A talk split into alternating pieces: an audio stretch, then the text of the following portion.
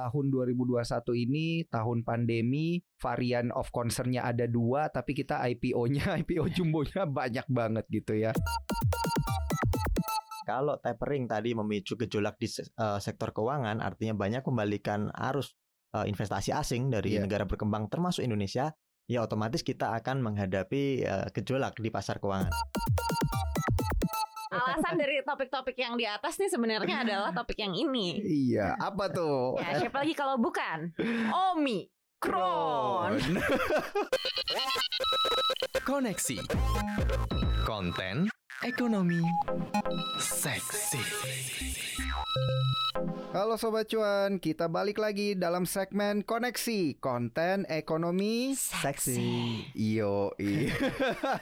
seksi Harus ada desahannya. Iya, iya, iya, supaya makin hari makin seksi ya. Nah, di koneksi kali ini ya, Sobat Cuan, kita itu mau membahas satu hal yang sangat-sangat uh, mengingatkan kita akan tahun 2021 gitu ya, tentang Aleidoskop eh bukan Kaleidoskop 2021 gitu ya. Jadi berita-berita apa yang kemudian membuat pergerakan indeks harga saham gabungan kita ini berwarna-warni gitu ya. Kadang ada berita yang beneran alay, ada yang tidak alay. Gitu. Tapi semuanya ya ini lima ada lima berita yang sudah kita persiapkan ya Mas Argun dan Aneke. Iya betul sekali. Ini yang pasti seru-seru banget. Mungkin teman-teman banyak yang jadi korban juga ya selama sentimen-sentimen itu. Tapi kita banyak. belum memperkenalkan diri nih dan iya. ini dengan siapa saja kita hari ini? Mohon maaf nih ya, gue soalnya udah terlalu excited nih ya, excited akan lima berita kita hari ini ya. Seperti biasa ada gue Daniel Wiguna dan ada Ana Kawijaya dan ada Argun. Seperti biasa ya di segmen kita koneksi ini ada lima berita tadi kita udah sounding. Yang pertama mungkin berita yang paling seksi dulu nih sama Aneka nih. Berita apa nih? Oke, ini kalau kita ingat ini di bulan November ya ada IHSG all time high. Wow, akhirnya IHSG mm -hmm. bisa menembus 6.720 di saat penutupan. Bahkan intraday-nya ini 6.754 ya Mas Argun. Mm -hmm. Nah, ini memang mungkin teman-teman ada yang udah mengeruk cuan dari situ kalau keburu gitu dan mungkin ada yang malah beli pucuk nih hmm. di waktu IHSG Sobat cuan mah pasti cuan ya. Iya. Lepas di pucuk jangan beli di pucuk gitu. Telat ini kalau udah lepas di apa kalau beli di pucuk ini masih nyangkut nih sampai sekarang Iya, nggak tahu kapan balik.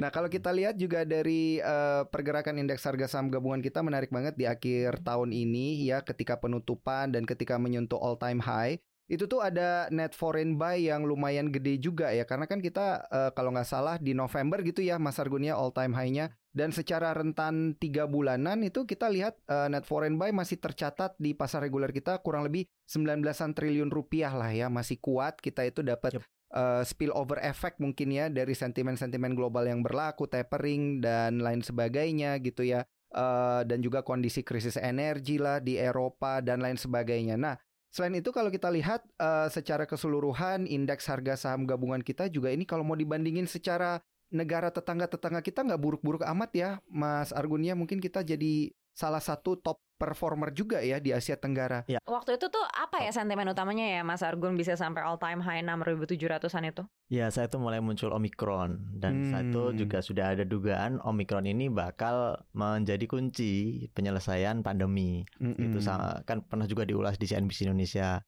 Waktu itu yang nulis saya di newsletter tuh saya bilang Iyo, kita bisa jadi mengulang skenario Spanish uh, flu. Hmm. Wah, jangan dong. Spanish flu dulu hilangnya juga gini, anak ke. Jadi tiba-tiba uh, bermutasi dan mutasinya menjadi lebih mudah menyebar tetapi juga lebih ringan gejalanya. Oh iya iya iya. Kalau itu boleh karena berita iya, baik. Iya, jadi ya akhirnya tidak akan semematikan delta ya berarti mm -mm. kan. Dan flu penyebab Spanish flu sampai sekarang juga masih ada di sini. Karena mm kalau kita kena flu mm bisa jadi itu varian sama seperti yang uh, mm menyerang pada tahun 1920-an gitu. Mm Nah di sekarang ini pandemi ada harapan itu kemarin waktu Omikron muncul kemudian ada studi awal bahwa memang mudah menyebar tetapi tingkat keparahannya kok kecil gitu. Hmm. Berarti ya kemungkinan ini uh, bagus ini. Iya, nah, iya, gitu. iya, iya. Dan kabar baiknya juga untuk IHSG dibandingkan dengan uh, indeks saham negara lain tetangga minimal mm-hmm. kita juga performanya bagus. Kalau mm-hmm. kita ngelihat kan kadang all time high itu ber uh, berkorelasi positif dengan ya berbarengan dengan kenaikan PI. Artinya mm-hmm. semakin tinggi IHSG semakin mahal gitu ya. Mm-hmm. Tetapi uh, storynya ternyata enggak. Jadi mm -hmm. kita all time high, tapi PI kita me menurun. Mm -hmm. Artinya uh, meskipun harga saham meningkat, tetapi laba bersih emiten-emiten mm -hmm. kakap terutama ya emiten-emiten blue chip itu meningkat juga, juga meningkat juga mm -hmm. sehingga kenaikan harga mereka yang tercermin di IHSG itu uh, diimbangi juga dengan return yang didapatkan. Jadi kalau mm -hmm. PI kan itu membandingkan harga dengan return kan. Betul betul. Nah kalau catatan kami itu di Desember sekarang kan PI kita 16 kali nih IHSG.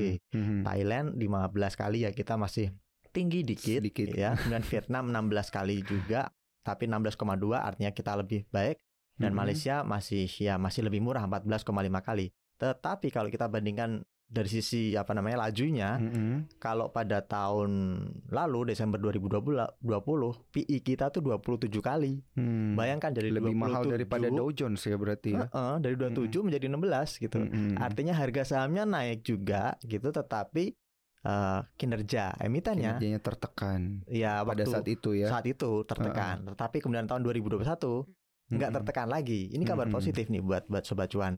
Sebaliknya kalau kita lihat di Thailand itu ya uh, tahun lalu Desember itu 19,97 kali, hampir 20.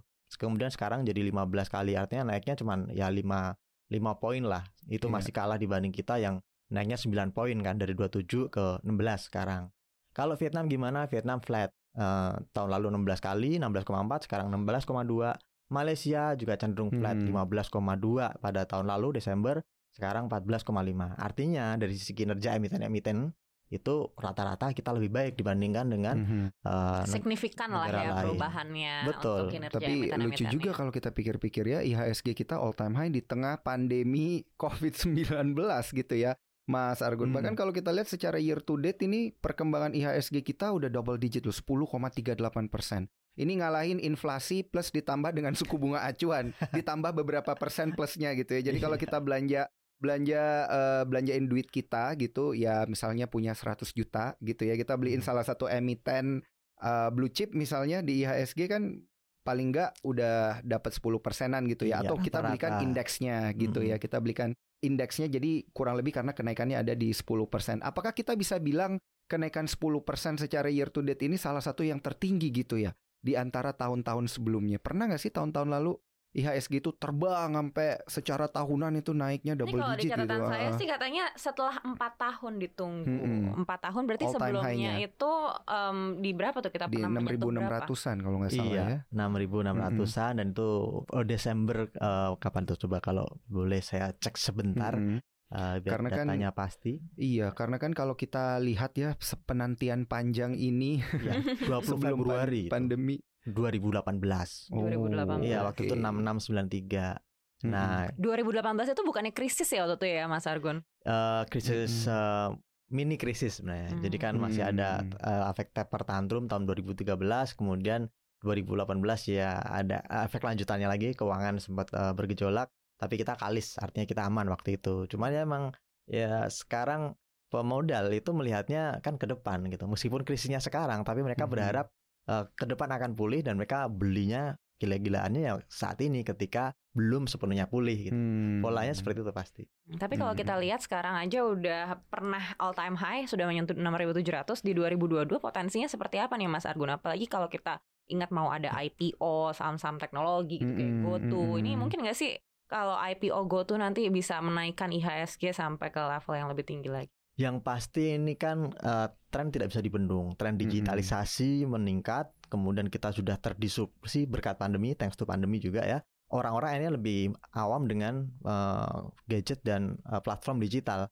Dan saat ini story-nya tahun 2021 adalah uh, yaitu emiten-emiten yang baru muncul atau yang baru berencana masuk digital, baru berencana bikin data center bahkan itu sudah diborong. Hmm. Ketika tahun depan, maka kondisi ini masih akan berlanjut karena kita berharap akan ada konfirmasi dari mimpi-mimpi yang uh, tahun ini sedang kita bangun gitu ya. Tahun depan harapannya sudah ada konfirmasi. Mereka mulai bangun data center, kemudian mulai tercermin dari kinerja. Dan di sisi lain, pandemi kan udah pulih. Otomatis saham-saham siklikal, saham-saham yang ya tidak ter apa tidak mendapatkan berkah dari sentimen digital itu mulai diburu kembali. Mm-hmm. Perbankan, kemudian saham-saham konsumer mm-hmm. yang selama ini sektornya disebut defensif itu akan menjadi buruan juga.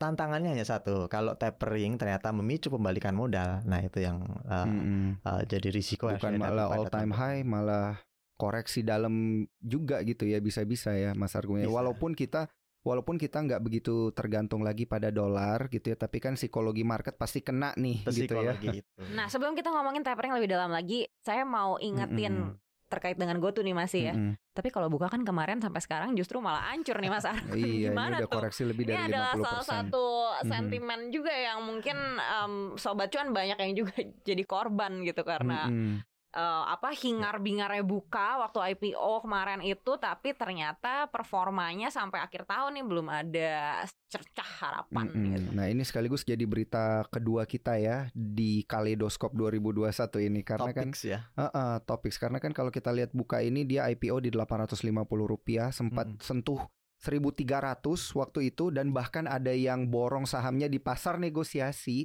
harga 1500 loh gila sih ya. Aduh, untung Saking aja FOMO-nya kita ikutan ya eh, Dan. Iya terima kasih Tuhan udah kasih kesabaran Gue hampir pencet waktu itu beli gitu Tapi nggak jadi Nah tapi buat mereka eh, yang membeli di harga-harga tinggi ini Ternyata banyak juga yang cut loss Banyak Mhm. juga yang masih meyakini gitu ya eh, Di tahun-tahun selanjutnya pasti performanya Bukalapak ini bisa Sampailah ke sana gitu Nah tapi kalau kita lihat ini emang sempat sentuh koreksi 50% loh sempat di bawah harga 425 artinya kan koreksi di bawah eh, di atas 50% Mm-mm. gitu ya Mas. Argun ya Kalau Ini- teorinya kalau udah Mm-mm. 50% sih cut loss ya Dan. iya kalau bisa sih Belum 50% iya pun harusnya 10 udah kalau cut gue loss sih gila gitu. sih 5% aja gue udah deg-degan nih gimana nih gimana nih kalau bisa tahan sampai 50% gila sih itu Iya. nah tapi Ya mungkin kalau Mm-mm. eh, tahan sampai 50% nggak pakai BPKB mobil ya. Ya kayaknya udah tutup mata sih itu udah 50% udahlah mending dibiarin aja kayaknya udah udah pasrah tapi ya tenang aja ya sobat cuan karena kan eh, pergerakan saham ini pasti nanti ada siklusnya gitu ya Ya. Mas Argun ya moga-moga kayak Anda bilang tadi tuh di 2022 ada momentum yang bisa dorong gitu ya pergerakan emiten-emiten teknologi ini karena kan kalau kita lihat eh, dana raihan IPO-nya ini yang tertinggi sepanjang masa juga ya ini Mas Iya. Argun 20-an triliun Triliun. Heeh, dan sekarang market cap-nya itu karena udah koreksi 50-an persen di 46 triliunan lah ya. Berarti Ya. bisa kita bilang dia begitu IPO langsung jadi medium cap kan. Kurang lebih ya Mas Hmm. Argun dan sepertinya banyak nih sekuritas-sekuritas atau eh, investor institusi yang mengambil porsi di Bukalapak ini untuk dijadikan eh, underlying aset produk reksadananya mereka Iya. gitu ya. Hmm. Jadi ini penting juga nih eh, bagi sobat cuan mengetahui hal ini eh, bahwa akan ada juga lah pasti nih tangan-tangan ajaib yang bisa mempertahankan harganya ya. Semoga ya Mas Argun. Iya, tapi kalau Ya. kita ingat ya Mas Argun di tahun ini itu nggak cuma buka ya, sebenarnya cukup banyak yang IPO Banyak, ya tahun ini ya iya. gitu. Apa tahun Heeh. ini yang menjadi tahun IPO nasional atau gimana tuh Mas. Argun? Justru karena- tahun pandemi yang dipakai ya buat iya, IPO karena banyak-banyak justru di tengah gitu ya. pandemi itu Mm-mm. apa memang IPO-nya ini untuk bayar utang Mm-mm. atau gimana sih Mas Argun? Iya, ada Mitratel juga lagi yang jumbo kan kalau nggak Iya. salah. Nah kalau saya lihat secara umum ya eh, mereka-mereka yang IPO itu kebanyakan kok bukan untuk bayar utang untungnya ya Hmm, Jadi, ekspansi berarti untuk ekspansi kan. untuk Iya. modal kerja minimal. Mhm. Em, ya harapannya nggak ada ini nanti tiba-tiba pengumuman perubahan penggunaan dana IPO, bursa, listing, memproses, mengeluarkan prospektus tuh emang peruntukannya kebanyakan untuk modal kerja dan ya, ekspansi. Termasuk Bukalapak itu. Mm-mm. Hanya saja sejak awal itu ketika mereka mengeluarkan prospektus, eh, saya sendiri juga sudah bikin analisis gitu kan di Mm-mm. Service Indonesia. Eh, saya menyebutkan Bukalapak nih layak dikasih valuasi premium karena dia eh, saham masa depan digital gitu ya. Iya. Hanya saja sepremium apa kemarin kami, kami melihat ya memang kok sepertinya agak terlalu tinggi gitu kalau dibandingkan dengan misalnya kita ngacunya ke mana? Belum ada di Indonesia, maka kita ngacunya ke Amerika aja deh. Amerika yang paling keren apa sih e-commerce? Ya Amazon gitu. Mm-mm. Nah Amazon ketika IPO dulu itu dana IPO-nya 54 juta dolar itu setara empat kali omset. Kita nggak bicara laba bersih lah ya. Iya. Karena kalau kita bicara startup ketika mereka IPO jangan berharap mereka udah mencetak laba gitu. Mm. Karena bahkan Amazon ketika masuk bursa itu juga masih rugi. Tapi kan sekarang story-nya berbeda Amazon. Mhm. Bukalapak juga sama, masih rugi ketika IPO. Kita nggak usah lihat lihat ruginya. Lihat aja dari sisi omsetnya dan bagaimana dia membangun market gitu ya, pasar atau kom- eh, apa namanya ko- komunitasnya. Empat kali omset dari IPO-nya Amazon. Ini 54 juta dolar waktu itu. Sementara kalau dibandingkan dengan Bukalapak, Bukalapak itu 22 triliunan itu setara dengan 16 kali omsetnya. Jadi Mhm. empat kali lipat lebih mahal dibandingkan Amazon Iya. gitu ya. Jadi apa yang didapatkan Amazon ketika IPO itu ya empat kali lipatnya buat kos uh, apa namanya kasusnya sih Bukalapak. Hmm. Nah waktu itu menurut saya ini harus harus hati-hati gitu. Uh, penjamin emisi harus bisa meyakinkan ke pemodal bahwa valuasi yang sangat sangat sangat premium itu bahkan lebih premium dari uh, Amazon itu beralasan gitu ya. Hmm. Tapi ya memang yang saat itu kita lihat sendiri kemudian malah terjadi koreksi koreksi dan seterusnya. Nah kalau kita lihat misalnya dari kapitalisasi juga sama dulu Amazon ketika IPO juga uh, uh, kapitalisasinya 29 kali dari omsetnya. Sementara Bukalapak 65 kali dari omsetnya, hampir dua kali lipat gitu. Mm -hmm. Jadi kalau sekarang uh, harga Bukalapak berapa? Sudah separohnya ya. Itu saya pikir mm -hmm. sekarang sudah harga yang uh, udah terlalu harga sebenarnya, sebenarnya begitu ya. ya. Jadi kalau pingin gitu, ya. me, akumulasi me, akumulasi ya mungkin sekarang saatnya. Tapi mm -hmm. kalau berharap turun lagi, saya pikir kok enggak gitu. Mm -hmm. Dan perlu diingat tadi itu uh, yang penjamin emisi itu kan perusahaan-perusahaan sekuritas besar mm -hmm. gitu ya. Enggak perlu sebut nama lah ya. Mm -hmm. Saya pikir sobat cuan bisa nyari sendiri. itu gede-gede semua. Dan tadi disebutkan mereka punya alokasi reksadana juga di situ. Yeah. Bagaimana cara membalik kinerja Bukalapak gampang? Mm -hmm. Ya ini aksi anorganik gitu. Mm -hmm. Bukalapak akuisisi e-commerce lain atau gabung dengan e-commerce lain apa ada satu sebutkan itu nanti efeknya akan sangat besar ke ke apa namanya ke harga sahamnya. Tapi gitu. di rootnya baru hmm. keluar nih Mas Argon. Ini ada hubungannya nggak nanti dengan korporasi dan harga sahamnya? Moga-moga nanti siapa pun yang memimpin ini tetap on track ya plannya ke depan ya, ya Mas Argon ya untuk buka dan, lapak sendiri. Ya saya pikir justru ketika ada yang seperti ini ada di rootnya yang keluar itu menunjukkan bahwa manajemen dalam hal ini pemegang saham hmm. terutama ya itu melihat situasi sebenarnya. Kalau ternyata kinerjanya kurang memuaskan. Jadi di rootnya kurang memuaskan gitu Mas Arga kinerjanya. Uh. Ya, saya pikir saya pikir emang harus dimaknai ke sana, tidak ada tafsiran sebaliknya gitu. Kalau iya, dia iya, kerjanya iya. bagus, dia akan dipertahankan gitu. Iya, iya, Tetapi iya. kan sekarang ya mungkin dia mengundurkan diri atau bagaimana nah, alasannya ya, yang jelas iya. dia tidak lagi dibuka lapak itu menunjukkan memang kinerjanya perlu diperbaiki dan iya, iya mungkin iya, nanti uh, pemegang saham akan menaruh satu orang baru yang akan hmm. bisa mengubah kondisinya dan itu yang ditunggu oleh hmm. pemegang saham. Soalnya ya namanya juga perusahaan startup ya lebih uh, dinamis lah pasti ya uh, apa yeah. tuh namanya culture kerjanya dan lain sebagainya. Tapi selain Bukalapak kita juga tidak lupa loh mengucapkan selamat pada IPO IPO lain nih yang jumbo-jumbo kan ada Cimori. Ada Widodo Makmur ya. Uh -uh, ada Avian juga, ada banyak banget. Pokoknya tahun 2021 ini tahun pandemi uh, varian of concernnya ada dua, tapi kita IPO-nya, IPO jumbonya banyak banget gitu ya. Yeah. Nah, tapi kalau kita lihat juga ya dari sisi yang lain di tahun 2021 ini kaleidoskop kita itu kan ada berita menarik juga ya de, uh, terkait dengan PDB kita di mana pertumbuhan ekonomi kita uh, resesi walaupun ya di kuartal pertama tapi tumbuh 7,07 persen di kuartal kedua dan tumbuh 3,5 persen di kuartal ketiga. Iya, Ini saya juga, ingat banget itu gara-gara Delta nih kalau nggak salah iya, nih ya, varian Delta itu ya waktu anjloknya itu. itu ya di kuartal ketiga itu ya Mas Argun. Iya. Dan juga kan kalau kita lihat uh, per, pertum selain pertumbuhan ekonomi, kita kan juga lihat IKK meningkat gitu kan. Mm -hmm. Ha, selain IKK juga kita ada PMI manufaktur iya, juga ekspansi, uh, udah cetak iya. rekor semua. Bener-bener setelah kuartal ketiga gitu. Mas Argun di kuartal keempat ini kira-kira kayak gimana ya Mas Argun? Udah ada proyeksinya belum nih dari tim riset CNBC Indonesia nih? ya kalau perkiraan kami kuartal 4 ya storynya akan bagus gitu ya. Mm -mm. Paling enggak kita bisa mencapai 5,1 persen. Gitu. Iya.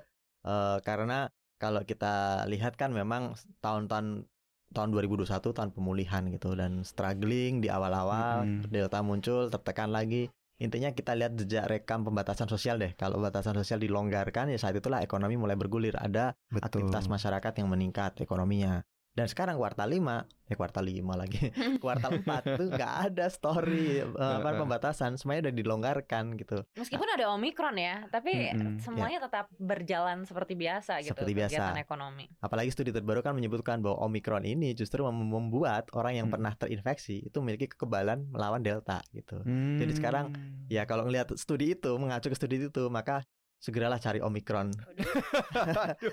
Segera Jangan juga Mas Argo. Kok kesannya nyari penyakit ya? yeah. Tapi kalau memang omikron ini sudah tidak ada, mungkin delta juga sudah mulai kalah begitu ya, Udar ya, ya penularan. Asalkan ya. jangan ada yang varian baru itu loh, Mas Argun. Kita kan juga menulis delmikron, ya, ya kali ya itu... delta ditambah Omikron. Jadi biasa ya. apa coba? Iya. Akuisisi gitu ya, merger, merger. Iya iya makanya aduh jangan sampai ya. Nah, ini kan kalau kita lihat dari sisi pertumbuhan ekonomi banyak sektor yang kembali berputar ya setelah kuartal 3 kemarin kan. Mm-mm. Mas Argun eh, di kuartal keempat ini PPKM level 3 di akhir tahun itu kan di apa namanya dibatalkan lah gitu ya. Jadi Ya. tidak seketat-ketat itu eh, sehingga ekonomi bisa kembali berputar. Nah, Ya. Tapi kalau kita lihat yang namanya pertumbuhan ekonomi kan ditargetin pemerintah 5% ya Mas Argun ya. Ini kalau Ya. di kuartal keempat nyampe nggak sih ini perkiraan dari eh, tim riset dan kalau Aneke lihatnya juga gimana nih bisa nggak nih di kisaran 5% lagi optimis nggak nih? Di kuartal 4 ini, Heeh. kalau saya rasa enggak sih kayaknya. Nah gimana Hmm. tuh? Kalau 5% itu kayaknya terlalu jauh ya dari 3,5 ke 5. Tapi nggak tahu deh kalau Mm-mm, menurut Mas mm-mm. Argun gimana? Karena kalau kita lihat dari kuartal kedua itu 7% loh nyampe loh. Iya. sih. Dan harapan ekonom-ekonom sih sebenarnya juga 5%. Banyak Iya, yang bilang iya, kalau iya, 5% tuh iya. aman gitu. Iya, Tapi BI saya merasa juga proyeksi gitu, IMF juga gitu. optimistis nggak sih kalau 5%? Di akhir tahun ya soalnya. Ya kalau ngelihat basisnya sih masuk akal Aneka. Heeh. Jadi kalau basisnya malah lagi rendah ya otomatis kenaikan sedikit saja itu udah Heeh. persentasenya tinggi gitu. Mm-mm. Jadi ya masuk akal kalau ditarikkan 5%. Kalau kami perkirakan ya 5,1 bisa bahkan gitu. Mm-mm. Karena Ya, kan ya, Iya karena 5,1 Omikron ya. kan se- sekarang tidak sesuai dengan perkiraan semula yang dikir, diperkirakan akan mengganggu ekonomi ternyata malah enggak. Mhm. Nah faktor itu yang belum dihitung sepertinya. Mm-mm. All year-nya berapa tuh Mas Argun kira-kira? Kalau all year kami perkirakan bisa di 3,2 persen jadi s- Hmm. eh, apa namanya pertumbuhan tahunan gitu ya. Jadi mungkin Iya. memang belum bisa seperti kembali seperti semula 5 persenan kan rata-rata. Tapi kita akan melihat itu bisa dicapai pada tahun depan dengan Mm-mm. asumsi satu yaitu tadi Omikron sudah benar-benar jadi solusi. Eh, sekarang semua sektor yang tadinya menahan menahan napas itu bisa menghela nafas se- eh, Mhm. sekeras-kerasnya dan itu artinya akan ada apa ya belanja lebih besar Mm-mm. kemudian juga ah, investasi yang meningkat, kemudian Iya. produksi yang juga meningkat kayak gitu. ini ibarat kita kuda bisa- yang dilepasin gitu ya. Iya. Heeh, Tapi kencang. si kuda itu akan tertahan tapering off nggak Mas Argun? Mhm. Nah, itu yang harus Iya. diantisipasi. Tapi sebelum kita masuk ke situ, mohon maaf nih, gue jeda sejenak ya, karena gue mau mengucapkan selamat juga nih, mumpung kita belum next banget nih ke topik yang selanjutnya di kaleidoskop ini mau ngucapin selamat ke pendapatan pajak ya. Setelah shortfall 13 tahun akhirnya bisa eh, capai target 101% dan satu lagi neraca dagang kita surplus ya, Iya, akhirnya. itu surplus. Ya, Yeay. Selamat, Yeay. terima kasih Super terus Cycle. ya, Iya. jangan cuma kemarin aja. Oke oke. Nah ini balik nih kembali ke pertanyaannya Aneka tadi terhambat gak sih ini nanti kudanya dengan Risikonya dari luar negeri emang Anda Tapering, Anda iya. ke benar. Risikonya apa? Dari harga, harga komoditas terutama harga minyak ya. Mm-mm. Kalau misalnya nanti harga minyak meningkat tinggi, ya otomatis itu akan menggerus daya beli masyarakat kita menengah Mm-mm. gitu ya. Mm-mm. Kemudian di sisi lain, kalau tapering tadi memicu gejolak di se- eh, sektor keuangan, artinya banyak membalikan arus eh, investasi asing dari Iya. negara berkembang termasuk Indonesia, ya otomatis kita akan menghadapi eh, gejolak di pasar keuangan. Dan kalau ada gejolak di pasar keuangan, ya sentimennya ke mana-mana gitu ya. Mm-mm. Kemudian yang ketiga, ya akan ada kenaikan suku bunga acuan dari eh, Bank Indonesia. Sentral Amerika oh, dulu. Bank Sentral dulu. ah, ah. Nah, kan mereka perkiraan sekarang bisa tiga kali gitu ya, dua Iya, iya. sampai tiga kali Gila, setahun tiga kali. setahun tiga kali. Kalau itu terjadi maka Bank Indonesia mau tidak mau juga harus menaikkan Mm-mm. gitu. Menurut kami eh, skenario pertama bisa dinaikkan sampai empat kali Hmm. dengan asumsi bahwa tapering dan laju agresivitas eh, the Fed di Amerika sana untuk memperketat atau mengetatkan ekonominya itu eh, semakin tinggi.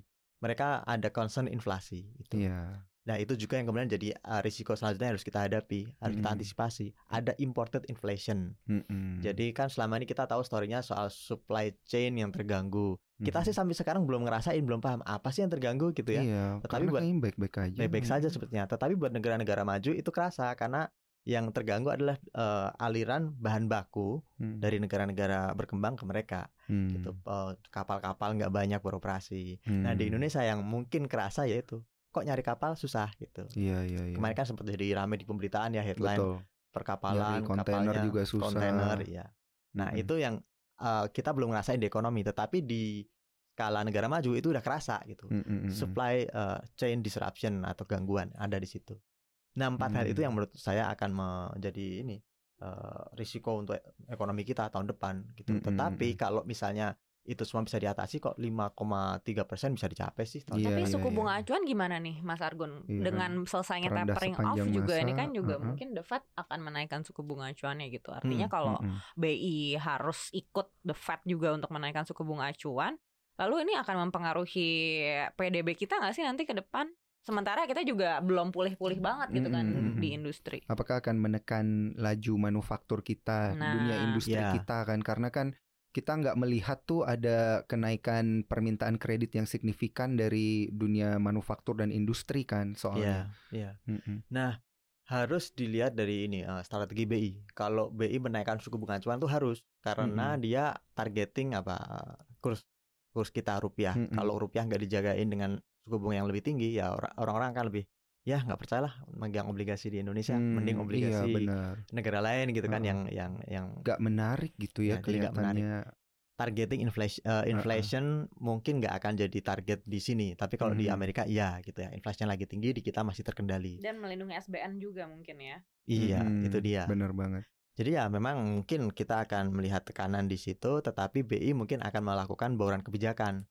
Suku bunga mungkin dinaikkan untuk menjaga rupiah, tetapi pertumbuhan ekonomi akan terus digenjot dengan mungkin kebijakan-kebijakan bauran dengan ekonomi makro, misalnya apa Mm-mm. DP, properti yang 0% dan sebagainya itu mungkin akan Mhm. tetap dipertahankan, Iya dibiarin. iya iya iya. biar iya, masyarakat tetap benar. bisa berbelanja dan sebagainya, daya belinya terjaga. Mm-mm. Meskipun buat pelaku usaha ketika mereka mencari pendanaan di bank agak mahal Susah. gitu. Mm-mm. I- psikologi ya agak mahal karena kan suku bunga dinaikkan sekarang itu efeknya baru kurang lebih Iya. enam bulan paling cepat tuh enam bulan ke depan.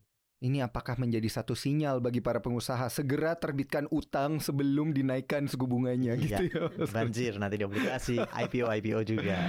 Iya iya aduh inilah ya yang perlu nanti dipertimbangkan di tahun depan tapi kalau sampai benar nih kita naik empat kali di tahun depan berarti suku bunga bisa 4,5 persen gitu ya dengan Ya. kenaikan 0,25 per Per kenaikan. per kenaikan. Oke ini eh banyak banget pertimbangan-pertimbangan pemilihan berita kita sebenarnya ya yang akan jadi kaleidoskop di 2021 ini tapi yang terakhir ini adalah yang paling panas Basic karena ya, eh, basic eh, ini ya. karena ini yang mempertemukan semuanya. Betul. Alasan dari topik-topik yang di atas nih sebenarnya adalah topik yang ini. Iya, apa tuh? Ada ke tuh topik Itu yang tadi seksinya. sudah kita sebut-sebut namanya. Siapa lagi kalau bukan?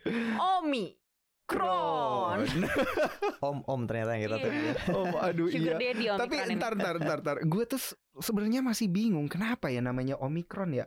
Kan ada alpha, beta, delta. Hah. Omikron ini kayak kan ada huruf E dulu kok bukan Eko, kok bukan apa gitu kan. Iya. Langsung lompat jadi O gitu dari pemilihan namanya kocak ya.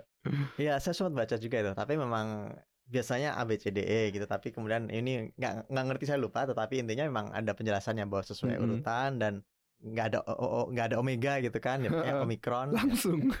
Nah, terus kan Dan kita yang, yang pasti kita berharap semoga Omikronnya terakhir lah ya. Iya, iya, terakhir dan Jangan, seperti yang dibilang Mas Argun tadi uh, gitu menuju ya. ke pembebasan Uh-uh. COVID ya. Ini adalah skenario kesembuhan gitu ya. Iya. Amin. Nah, kalau kita lihat ya, kan di akhir tahun 2021 ini ada penyebaran lokal gitu. Heeh. Mas Argun kemarin datanya terakhir yang gue baca 46 itu eh, adalah penyebaran dari internasional ya masuk gitu. Mm-mm. Kemudian penyebaran lokalnya itu ada satu. Nah, Nah, ini seru banget nih ngomongin ini Iya, nih. Saya daerahnya tahu SCBD harus- lagi. Aduh. Ah, ah, saya nggak tahu harus menyentil siapa terlebih dahulu gitu ya. Karena ternyata ini termasuk ada dendam pribadi juga ya. Mm-mm, gimana Ternyata gimana si orang-orang pejabat itu Waduh. yang rekeningnya tuh udah ber ber ber ber ber. Eh, Ternyata mereka nggak mau dikarantin Oh, di jadi- saat jurnalis lah wartawan yang pergi harus Mahasiswa. dan- Ya, harus menjalani karantina dan membuang uangnya di hotel-hotel mehong repatriasi itu. itu. gitu kan. Tapi ternyata mereka bisa tinggal di Wisma Atlet. Ini kan kacau. Iya, Akhirnya iya, iya. mereka-mereka juga yang menularkan Omikron. Nah, itu dia ya kalau kita lihat eh dari sisi penyebarannya ya akhirnya kita kebobolan juga. Moga-moga gimana ya ini kita kan nggak tahu ya Mas Argun ya karena kan tadi Mas Argun bilang kalau Omikron itu eh, nyebar memang dia tidak mematikan tapi dia bisa bikin orang tidak kerja nih. Seminggu gitu ya paling nggak seminggu atau ya kalau di Inggris sih dari 10 hari udah diturunin ke tujuh hari ya paling nggak seminggu nih kita nggak ke kantor. Kalau ini menyebarnya langsung sampai kayak kemarin ke 10 ribu 20 ribu orang kan jadi nggak efektif juga ya. Iya. eh, Sebenarnya ini kuncinya kan ada di ekonomi. karantina dari luar gitu Iya, kan. Dan ini benar. selalu terjadi kebocoran nih Mas Argun. Kayaknya tuh Iya. pengawasannya nggak pernah nggak pernah bisa benar gitu. Iya. Kira-kira apa sih yang mungkin bisa diupayakan gitu Iya. supaya ini tuh benar-benar bisa terkontrol? Apa harus Apakah- ada em, kamera gitu di setiap eh, apa airport yang bisa disaksikan publik Mm-mm. gitu. Jadi kayak Atau mungkin ketahuan kalau kabur. Eh, mempercepat produksi obat COVID kan ada.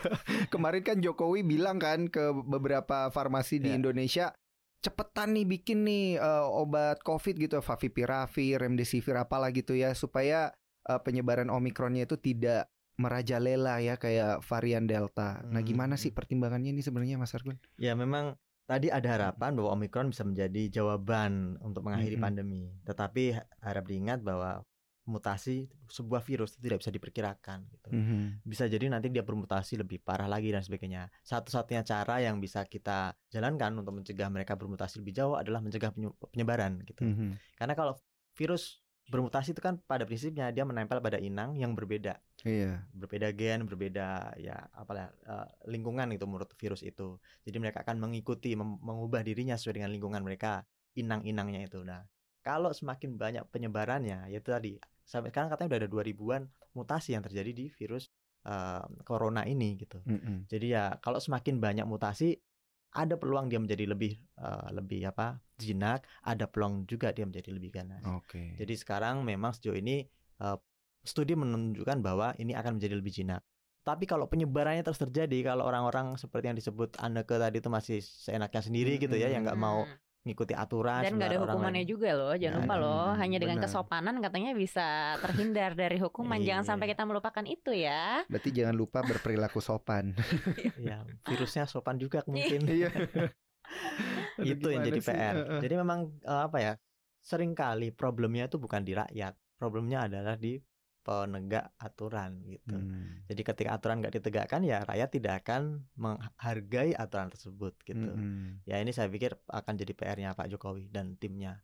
Bagaimana mereka bisa menjaga eh, kepercayaan masyarakat. Apalagi kalau kita bicara pandemi, itu kan ya kita mengendalikan 276 juta orang agar Mm-mm. patuh pada Mm-mm. aturan. Mm-mm. Kalau ada yang kayak gini-gini kayak yang dibilang Anneke ya akan jadi backlash. Mm-mm, bener sih. Moga-moga lah ya di tahun 2022 ini endgame-nya pandemi-pandemi ini udah bisa kelihatan ya Aneke dan Mas Argun dan Iya. moga-moga ini di 2022 yang diharapkan juga oleh eh, pemerintah dan seluruh investor-investor bahwa ini akan menjadi tahun recovery di 2022 itu terjadi ya. Amin. Amin. Oke, kalau gitu tuh menjadi penutup dari Mhm. bincang-bincang kaleidoskop kita di 2021. Semoga di 2022 nanti akan banyak momen-momen yang lebih menarik dan pastinya makin seksi buat dibahas di Mhm. koneksi.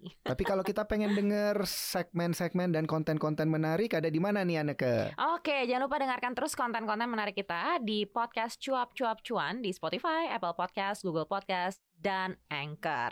Terus jangan lupa juga untuk follow Instagram Cuap Cuap Cuan di @cuap underscore cuan dan subscribe YouTube channel kita di Cuap Cuap Cuan. Jangan lupa di komen, like, dan share sebanyak-banyaknya. Nah, gua mau mengucapkan selamat menyambut tahun baru buat para sobat cuan. Ya, semoga semakin cuan deh dari gue nih di 2022. Kalau dari Mas Argun semoga semakin apa nih untuk para sobat cuan nih? Semoga semakin eh, cuan pastinya, semoga semakin sehat dan mendapatkan berkah.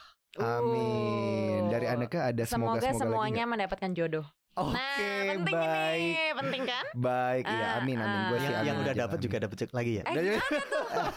Oh, ya namanya juga rezeki Enggak ya sobat cuan ya Oke thank you banget udah dengerin konten kita Koneksi Konten ekonomi seksi Gua Daniel Wiguna Saya Anak Wijaya. Saya Argun. Kita bertiga pamit undur diri Sampai jumpa tahun depan Bye Happy New Year. Happy New Year Happy New Year.